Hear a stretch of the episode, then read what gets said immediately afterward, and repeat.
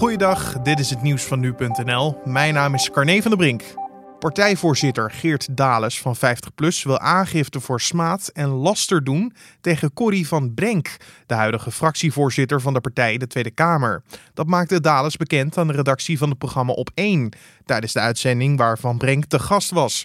Van Brenk beschuldigt Dales van het plunderen van de partijkas omdat het partijbestuur duizenden euro's aan advocatenkosten met geld van de partij zou hebben betalen. Dales eist nu excuses voor deze uitspraak.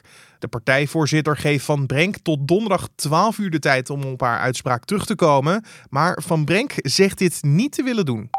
De Israëlische premier Netanyahu mag ondanks de corruptiezaak tegen hem toch een regering vormen. Het Hof meent dat Netanyahu als onschuldig moet worden behandeld tot zijn schuld bewezen is. De premier werd in januari officieel aangeklaagd in drie corruptiezaken. Hij wordt beschuldigd van omkoping, fraude en vertrouwensbreuk. Tot nu toe ontkent Netanyahu iets verkeerd gedaan te hebben.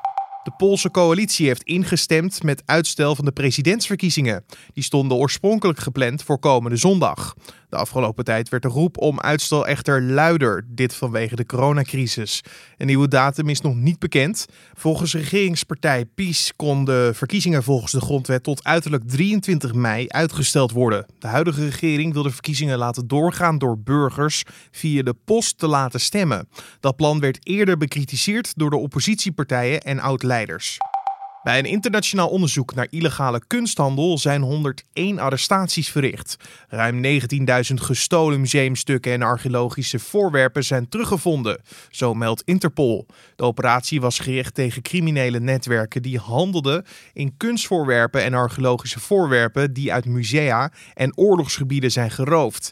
Interpol richt zich specifiek op de online handel en digitale marktplaatsen voor dit soort goederen.